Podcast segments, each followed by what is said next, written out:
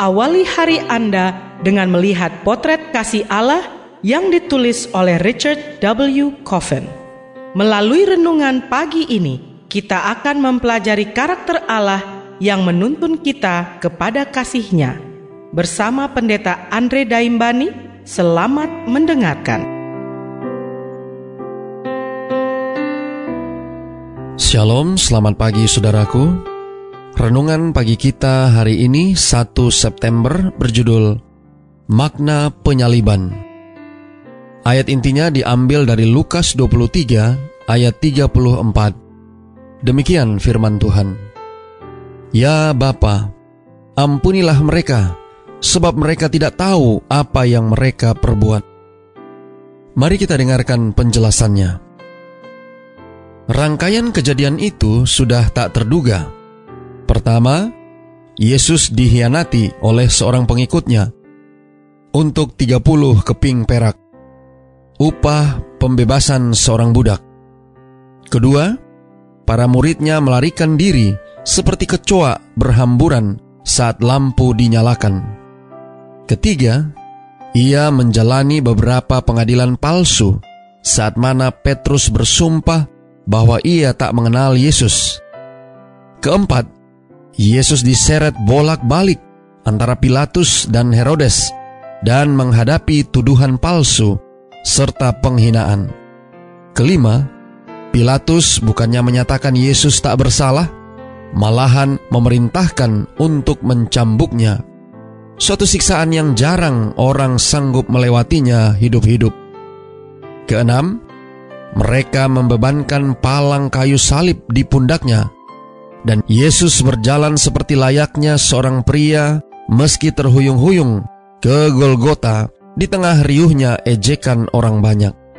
Ketujuh, prajurit yang kasar menelanjanginya dan menghujamkan paku di pergelangan tangan dan kakinya ke kayu salib.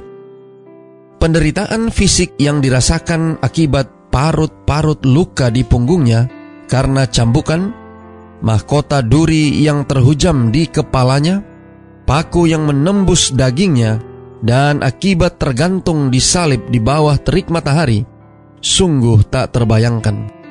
Penyaliban hukuman yang menyerupai hukuman mati dan sering membutuhkan waktu berhari-hari bagi korban sebelum menyerah karena kelaparan, dehidrasi, kelelahan, terpanggang, kehabisan darah, gagal jantung, dan kemungkinan kesulitan bernapas.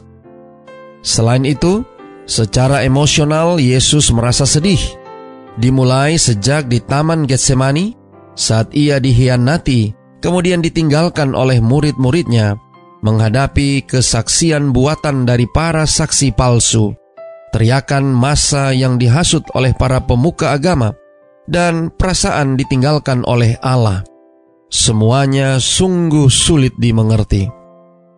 Menghadapi deraan fisik dan psikologis ini, Yesus tetap mempertahankan pikiran yang sehat. Bahkan di puncak penderitaannya, pikirannya tertuju pada ibunya yang dititipkannya kepada Yohanes. Saudara-saudara yang kekasih di dalam Tuhan, yang lebih menakjubkan dalam pandangan saya adalah apa yang dikatakan Yesus ketika para prajurit Roma memakukannya ke salib. Ya Bapa, ampunilah mereka, sebab mereka tidak tahu apa yang mereka perbuat.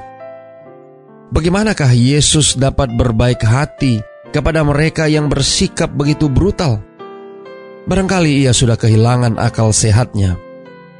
Tentu saja orang yang normal akan menginginkan sebuah pembalasan terutama ketika ia mempunyai kuasa untuk mendatangkan 12 pasukan, yaitu sekitar 50 ribu sampai 80 ribu malaikat menurut Matius 26 ayat 53 untuk membantunya. Maka terbitlah dalam sanubariku. Itulah makna segala siksa derita yang dialami Yesus. Pengampunan. Doa kita hari ini. Bapa, terima kasih. Melalui renungan pagi ini, kami boleh mendapatkan satu pelajaran yang sangat berharga. Terima kasih melalui renungan pagi ini kami boleh dapat melihat potret kasih Allah melalui peristiwa penyaliban. Tolong kami hari ini Bapa, biarlah setelah kami mempelajari firman-Mu dengan tuntunan kuasa roh kudus-Mu, dengan melihat penderitaan fisik yang dialami oleh Yesus, akan boleh menginspirasi kami untuk kami boleh tetap setia di dalam iman kami kepada Tuhan dan boleh dapat menghargai keselamatan yang Yesus telah berikan bagi kami. Dan kami boleh dapat menerima keselamatan yang asalnya daripada Tuhan. Terima kasih Bapa. Inilah doa dan permohonan kami kepadamu. Semoga Tuhan senantiasa memberkati kita sekalian sepanjang hari ini saat kita melakukan aktivitas kita masing-masing.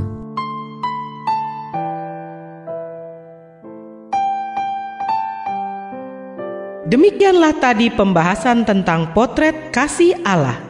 Semoga firman Tuhan hari ini dapat menjadi berkat bagi Anda. Sampai jumpa, Tuhan memberkati.